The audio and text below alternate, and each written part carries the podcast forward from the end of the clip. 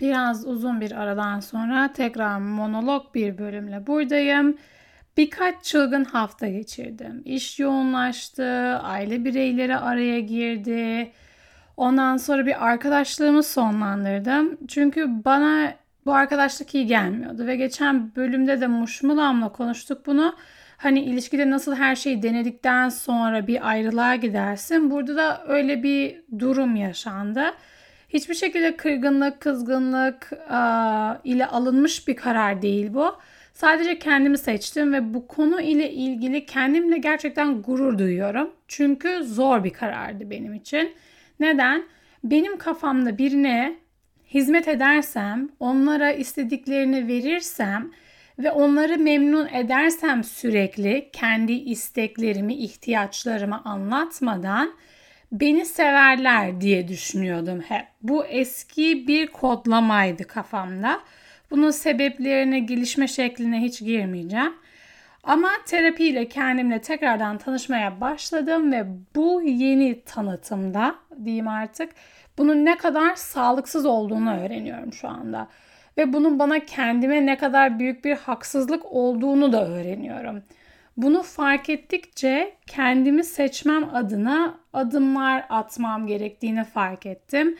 Ve bu adımı atmak yani bu adımı atmak benim için zor oldu.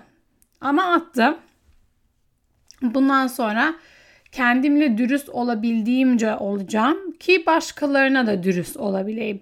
Ayrıca ben ben olduğum için sevsin kim seviyorsa. Tabii bunu şimdi söylemem benim için böyle ağzımdan rak diye tek seferde çıkması kolaymış gibi geliyor ama hiç öyle bir şey değildi. Çünkü ben kendimi kendim olduğum için seviyor muydum? Pek sevmiyordum. Bunu sesli söylemek biraz beni sokakta çıplak yürüyormuşum gibi hissettiriyor. Hani sokakta çıplak yürüdüm ve bu duyguyu biliyorum değil. Sadece öyle bir hisse kapılıyorum yani. Um, bu sene itibariyle bunu baş yani bunu yapmaya başladım. Kendimi sevmeye başladım. E, taşlar da yerini değiştirmeye başladı. Bu taşlar hep böyle mi kalacak? Hayır, tekrar değişecek. İnsanlar sonuçta gelişiyor, sürekli kendini geliştiriyor. Yani umarım öyledir. Öyle değilse biraz üzücü. Ama ben de hani ömür boyu öğrenci kalmak istiyorum ve bu sene buna dair çok önemli adımlar attım. Tabii ben bu konuyu çok yakınlarıma da anlatıyorum ve dedem benim gerçekten çok özel bağım olan bir aile bireyi. Bu konuyu dedeme anlatırken dedem bana çok güzel bir hayat dersi kıvamında bir alıntı verdi ve dedi ki insanları daha iyi tanımaya başlıyorsun ve bu olduğu zaman genelde hayvanları daha çok sevmeye başlayacaksın. bu tamamıyla normal. Kiminle neyi paylaştığına dikkat et dedi. Sırlarını ailene, terapistine ve köpeğine anlatmanın yeterli olacağını göreceksin. Çünkü daha az hasar garantisi var. Ee, bunu tabii böyle söyleyince bir kamyon çarpmış gibi oluyor. Ama kafamda da cuk diye yerine oturdu açıkçası. Bunun üzerine ben köpeğimle bir saatlik bir yürüyüşte bulundum. Dertleştik. En son hayvan bana bir sigara uzatacak diye tırstım yani böyle. Ama iyi geldi. Kendimi daha iyi hissettim. Bu bölümü kaydetmemin uzun sürmesinin bir sebebi de anneannemin annesi vefat etti. Evet doğru duydunuz anneannemin annesi. 90 yaşındaydı kendisi. Uykusunda vefat etti. Son dönemlerde çok ağrısı vardı. Morfin ilacı veriliyordu. Ve hani doktorlar bizi uyarmıştı bu konuda. Anneannenin annesi nasıl yaşıyor? O iş nasıl mı oluyor? Anlatayım. O iş şöyle oluyor. Benim anneannemin annesi anneannemi 16 yaşındayken doğurmuş.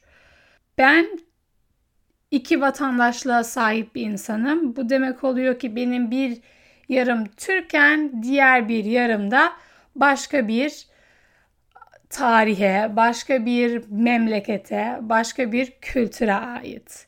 O kültürün içinde anneannem doğuyor anneannemin annesi 16 yaşındayken.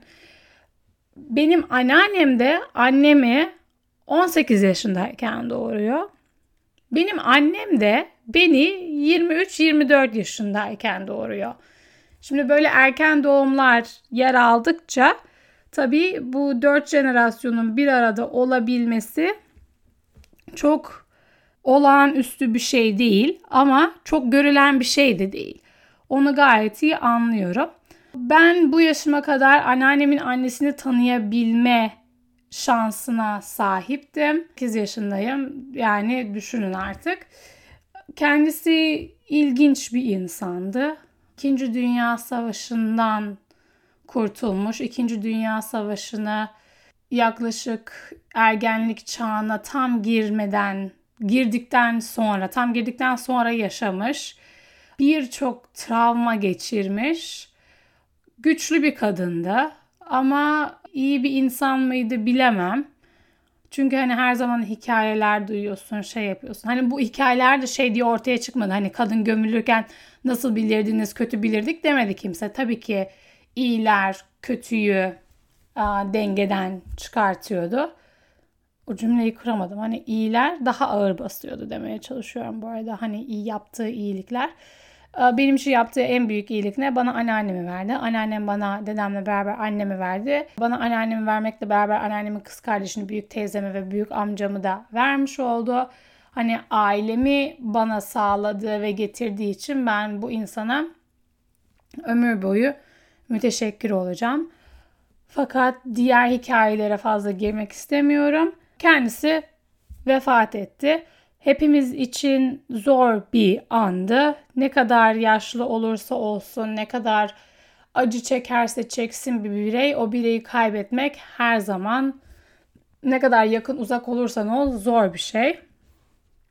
Özellikle benim için çünkü ölüm benim için çok zor bir konu. Ölüm benim için çok zor bir konu. Sevdiklerimi kaybetmekten korktuğum için. Kendim ölmekten korkmuyorum. Ama sevdiklerimi kaybetmek beni gerçekten böyle boğuluyormuşumcasına bir anksiyeteye sokuyor. Ölümün hayatın bir gerçeği olduğunu biliyorum. Doğduğumuz gün ölmeye başladığımızı biliyorum. Ölmenin ne kadar kesin bir şey olduğunu biliyorum ama ölüm kontrolüm altında tutamayacağım bir şey olduğu için kontrol altında tutamamam demek şu demek ben sevdiklerimi kaybetmekten korkuyorum çünkü hayatımda her şeyin belirli bir şekilde ilerlemesini istiyorum. Buna buna örnek vermek gerekirse mesela ben bir güne başlamadan önce uzun listeler yaparım. Bunu yapacağım, şunu yapacağım, ertesi gün şunu yapacağız, bu hafta bunu yapacağız. Bizim evin mutfağında bir tane ajanda asıldır. Herkesin kendi rengi vardır. Kim hangi saatte nerede bilelim, e, sorumlu olalım, planlayalım gibi arzularım, isteklerim var. Bunların gelme sebebi sağlıksız bir yer. Bunun üzerine çalışıyorum. Fakat o sağlıksız yerde başlayan o korku ölümle de birleşti. Şimdi böyle olunca da bu konu benim için o kadar ürkütücü bir hale geldi ki hani bir öcüymüş gibi görmeye başladım. Ben bu yaşıma kadar gitmem gereken her cenazeden kaçtım bir bahaneyle. Bu o insanları sevmediğim, özlemediğim, kalbimin kırılmadığı anlamına hiçbir şekilde gelmiyor. Bu tamamıyla benim kalbimin kaldıramadığı için o anda ve hayatın bu kısmıyla yüzleşemediğim için yaşanan bir şey. Gidemediğim cenazeler için üzgün müyüm? Tabii ki üzgünüm. Fakat sonradan her zaman herkesi ziyaret edebildikçe ettim. Bu bazı insanlara tuhaf gelebilir. Cenazeye gitmek ölen için değil daha çok yaşayanlara destek göstermek içindir diyebilirsin kültürün bir parçasıdır diyebilirsin, hayat bu diyebilirsin. Ama bu tamamıyla kişisel bir deneyim ve bu kişisel deneyim benim için kendimle yeniden tanıştığım bu son sene sürecinde hayatın bu kısmını kabul etmeme dair önemli bir adım oldu bu cenaze ve özel bir adım oldu. Önemli ve özel derken olayın üzücülüğünü azımsamıyorum hiçbir şekilde. Kesinlikle çok üzücüydü. Fakat oldu. Gidemeyeceğim zannettim. Araba kullanırken çünkü cenazenin olduğu yer bana bir buçuk saat mesafedeydi. Arabayla gittim. Normalde gayet rahat müziği bangır bangır açar giderdim. Araba kullanmaktan zaten nefret eden bir insanım. Bu tamamıyla ayrı konuşulacak bir bölüm olabilir. Araba kullanmayı sevmiyorum. Çünkü yani benim için bir ölüm makinesi o. Ve etrafta insanların ne yapacağı belli değil. Tamam kurallar var ama kuralları kim takip ediyor, nasıl takip ediyor falan falan. Neyse kendimi sakinleştirmek için bir yöntem buldum. Ee, bazı insanlar podcast dinliyor yolda. Bazı insanlar sesli audio kitap dinliyorlar. Bazı insanlar müzik dinliyorlar. Ben klasik müziğin beni sakinleştirdiğini fark ettim. Bu arada bölüm konusuna geri döneceğim. Şöyle bir sağa saptım. Ama bunu da açıklamak istiyorum. Ben klasik müzikle yetişmiş bir insan değilim. Ben klasik müzik enstrümanları çalan bir insan değilim. Ben müzikal bir insan değilim o konuda. Fakat müziği çok seviyorum. Ve radyolara böyle basarken işte çevirirken bir radyo kanalı bulmaya çalışırken bu kanal denk geldi.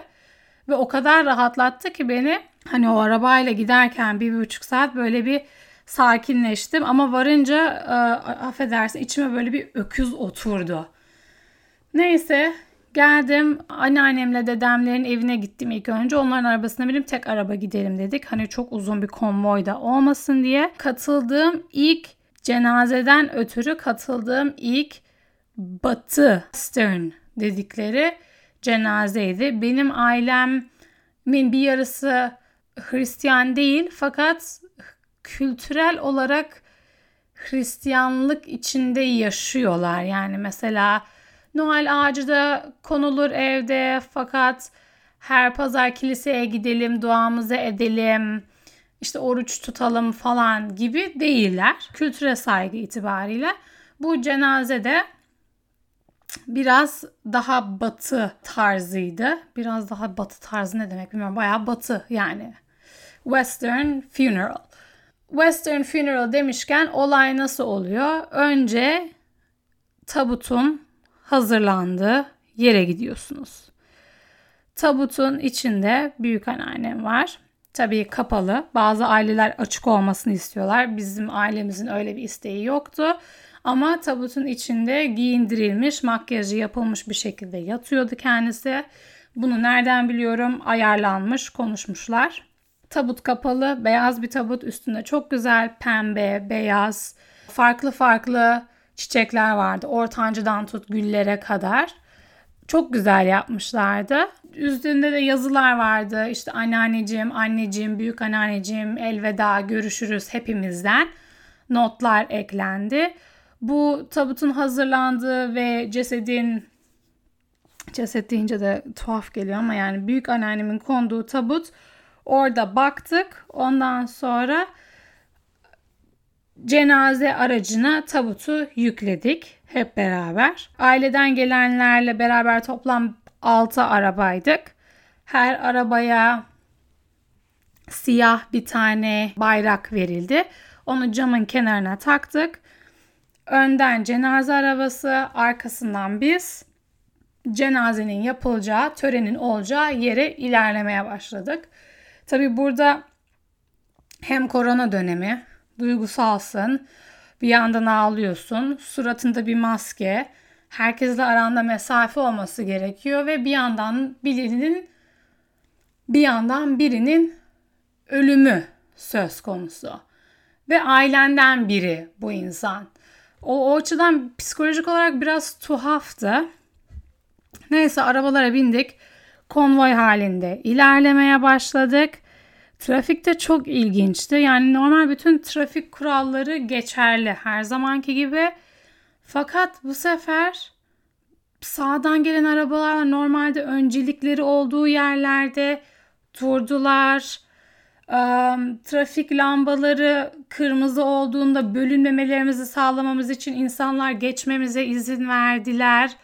Böyle ilginç bir şekilde hani tanımadığın insanların normalde hayatta hiç karşılaşmayacağın insanların araba ile böyle bir durma, saygı gösterme, ufak hareketler, jestler, mimikler ile bu anı paylaşmaları bana baya bir şey oldu. Hani insanları bir araya getiren bir şey. Çok tuhaf. Hani birine güle güle deyip o kişiyi bırakmak adına yaptığın törende aslında o kişiye sıkı sıkı sarılıyorsun. Ve bunu fark etmek ne kadar ağır olsa da bir yandan da o kadar özgürleştirici ve güzel bir deneyimdi ki hani gerçekten müteşekkirim. Tekrar bunu söylemek istiyorum. Neyse vardık. Arabalar cenazenin e, yapılacağı, törenin yapılacağı yere park edildi. Ondan sonra ne yaptık? Arkadan içeri yürümeye başladık. Cenaze tabutu kaldırdık. Ailedeki insanlar kaldırmakta yardımcı olmak ister misin falan dediler. Dedim yok yani yüreğim kaldırmıyor. Teşekkür ederim. Ondan sonra neyse ilerledik. Çok güzel bir oda hazırlamışlardı. Odaya giriyorsunuz. Sağlı sollu oturma yerleri var. Kilise Hollywood filmlerinde görmüşsünüz. Kilise gibi yapmışlar ama kilise değil orası. Sadece cenaze törenlerinin yer aldığı bir yer. Hangi dine, dine mensup olduğun hiçbir şekilde fark etmiyor. Cenaze törenlerinin yer aldığı bir yer. Böylelikle girdik içeri. Önce aile içeri girdi. Bizi yöneten kadın, orada sorumlu insan her şeyi anlattı. Bu arada hani bunu kariyer olarak seçmek bence çok asil bir davranış ve kadın resmen duygularını yani kendine ait yakın tuttuğu duyguları kapatıp böyle bir düğmeyle çıt diye kapatıp bunun işinin olduğunu ve insanlara yardım etmek için orada olduğunu bize çok güzel yaşattı, hissetti. Tabut ortaya kondu. Tabutun arkasına büyük camlarla kaplı bahçeye açılan bir pencere vardı. Pencerenin arkası ormanlık bir alandı. Ondan sonra cenazeye gelen aileler, yakınlar içeri alınmaya başlandı. Herkes oturdu. Bir konuşma yapıldı. Anneannemin sevdiği şarkılar çalındı. Büyük teyzem bir konuşma yaptı. Ondan sonra herkes sırayla tek tek tabutun önüne geldi bir iki, bir iki saniye, bir iki dakika kim ne kadar vakit harcamak istiyorsa orada güle güle dediler. Ondan sonra biz ailecek son içeride kaldık. Vedalaştık kendisiyle ve yan odaya alındık. Yan odada da öğle yemeği, içecekler servis edildi. Biraz ilginç bir duyguydu, ortamdı ama hani her zaman insanlar bildiğine daha yakın olur ya. Mesela ben Müslüman cenazelerin nasıl yaşandığını, nasıl yapıldığını biliyorum. Gitmememe rağmen biliyorum. Anlatılıyor, dinleniyor, televizyonda gösteriliyor bilmem ne. Bu da Hollywood filmleri sayesinde, Netflix sayesinde gösterilen sahneleri yaşadıktan sonra şeyi fark ettim. Hani iki kültür arasında yetişmemin güzelliğini gördüm. İki kültür arasında yetişmemin zenginliğini gördüm. İki kültür arasında yetişmemin bana kattığı inanılmaz farkındalığı tamamıyla böyle bir ışın hızıyla bütün vücudumdan geçişini orada hissettim. Hepimiz o bölümü kendimizce kapattık. Tabii ki anılara, her zaman herkesle, her aile bireyiyle ayrı ayrı yaşayacaktır hatıralarımızda. Ama iyileştirici, şifalı bir tören oldu.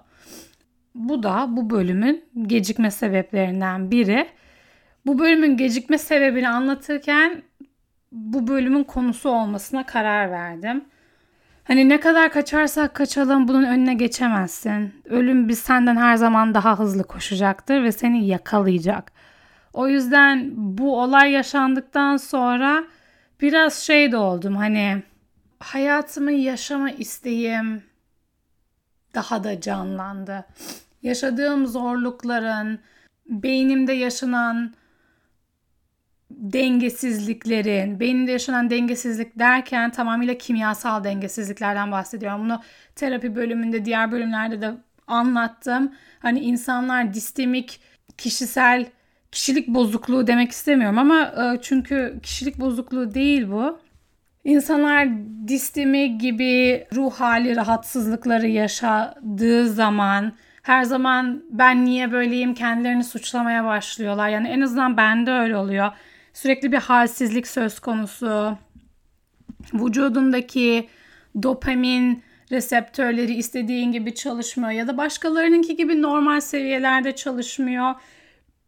Ve bunu kendimi kabul edip hayatta yaşama amacı ve sevinci bulmaya devam etmem adına iyi bir hatırlatma da oldu. Neden iyi bir hatırlatma oldu?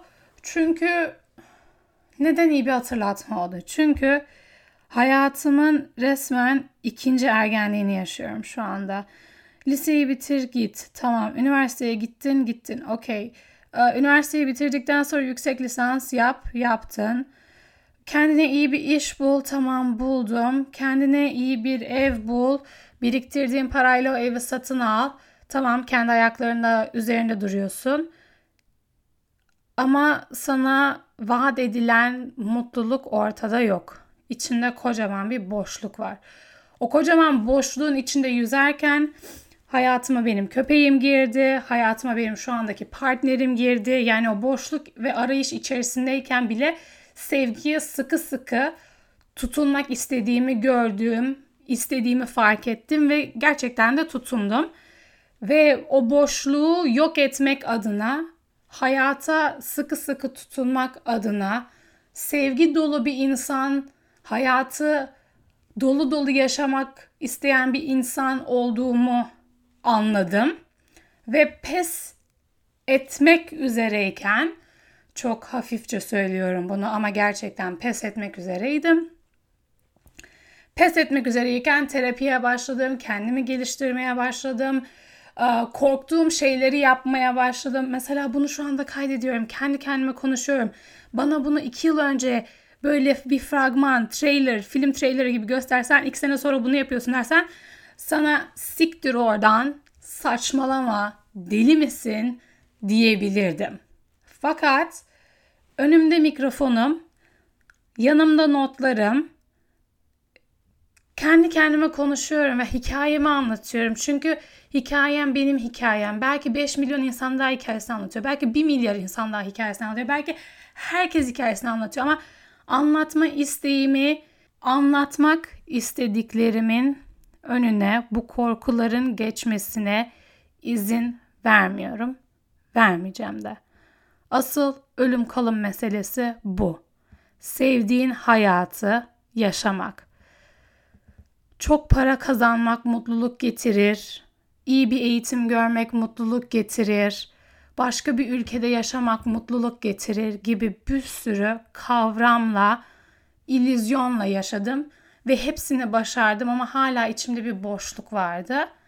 Ve o boşluğu ancak kendimle tekrar tanışmaya başladıktan sonra doldurmaya başladığımı fark ediyorum ve hani daha dibi doldu. Özür dilemeden, pişmanlık duymadan %100 kendim olarak yaşamaya söz veriyorum.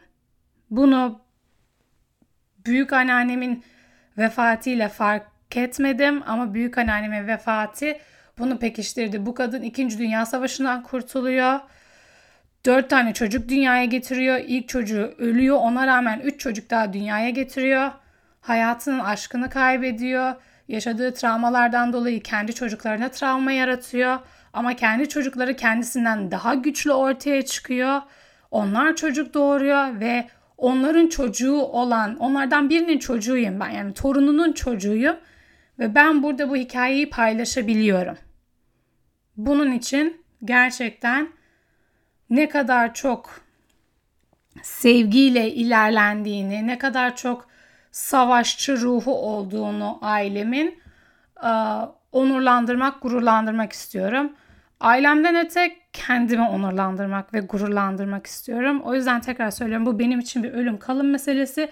Nasıl bir ölüm kalım meselesi? um, kendi gerçeğimi yaşamak istiyorum. Ben yaratıcı bir kariyerin peşinden gitmeye karar veriyorum artık.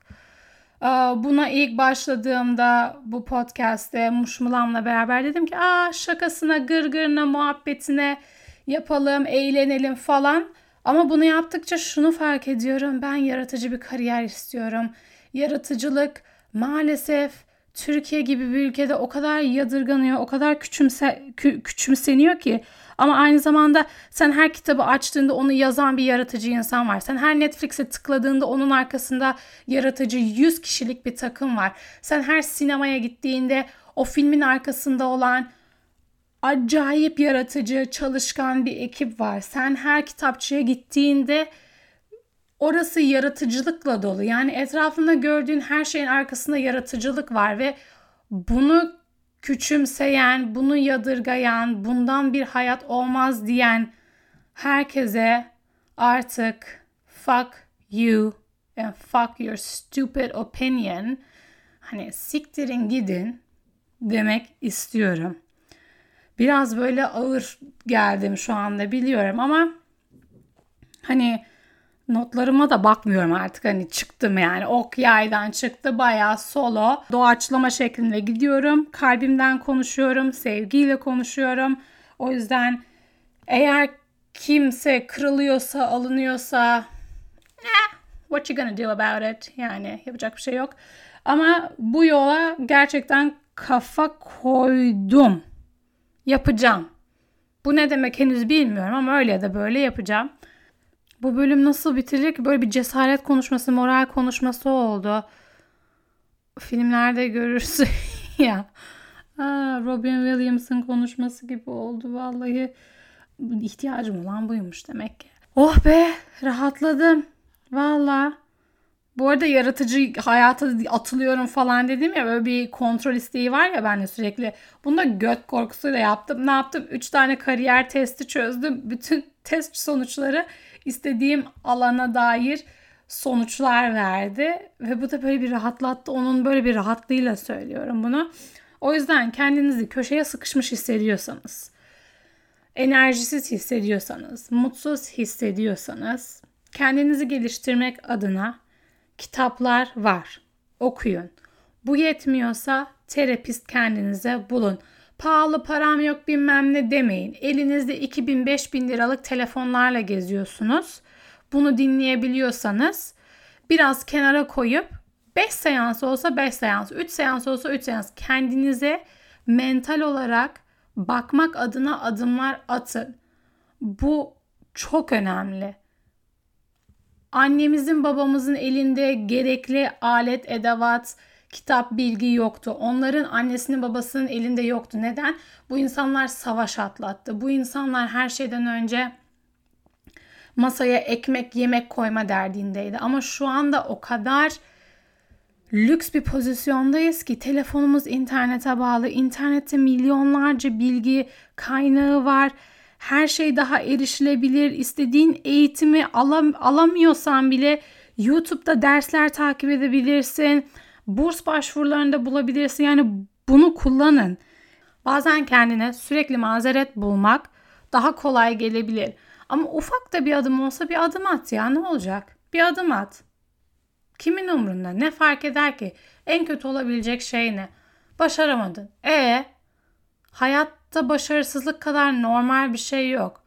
8 kere mi düştün yere? 9 kere ayağa kalk. 9 kere mi düştün? 10 kere ayağa kalk. Ayağa kalkmaya devam ettiğin sürece sorun yok. Ne zaman ayağa kalkamıyorsun? Öldüğün zaman. Yani şu kafa yapısına girmeye başladım ben artık. Yarın ölsem bu istediğim şeyi yapma yapmazsam ya da yapmaya dair adım atmamış olursam pişman olacak mıyım? Yüzde yüz evet. O zaman küçük de olsa bir adım at. Konuda Düşüncelerinizi merak ediyorum. Biraz böyle dediğim gibi haldır haldır geldim ama içimi dökmek de iyi geldi açıkçası. Her zaman dediğim gibi Instagram, Twitter, e-mail her yerden ulaşabilirsiniz. Çünkü meydan okuyun, bana okuyun, hayatınızı okuyun, etrafınızı okuyun. Ama nazik olmaktan vazgeçmeyin. Her zaman, her zaman, her zaman etrafınıza saygı duyun. Çünkü herkesin yaşadığı acılar başka ve o acıları kabullenip doğruluğunu bilip o duyguları yaşamak yerine insanlar genelde insanlar genelde karşı tarafa yansıtmayı daha kolay a, buluyorlar. O yüzden etrafa bakmayın. Yani Jimmy Iovine demişti. Bunu yarış atlarına neden e, gözlerinin yanlarına o konan şeyin adı neydi ya koyuyorlar. Çünkü sağa sola bakarsa tökezleyip düşer, yarışı unutur, yarışamaz. Sen de sağına soluna bakma, önüne bak. Senin için önemli olan neyse onu yap. Bu biraz böyle bir boks filmi izlemiş gibi hissettiniz mi? Hani böyle savaşçılar ya da gladiator moduna girdim ben. Siz de umarım o moda girersiniz. Kendinize iyi bakın. Bir dahaki bölüme Muşmulam'la yayında olma ümidindeyim. Kendisini stalkluyorum. Beraber tekrar ilginç konulara değineceğiz. Öptüm. Bye.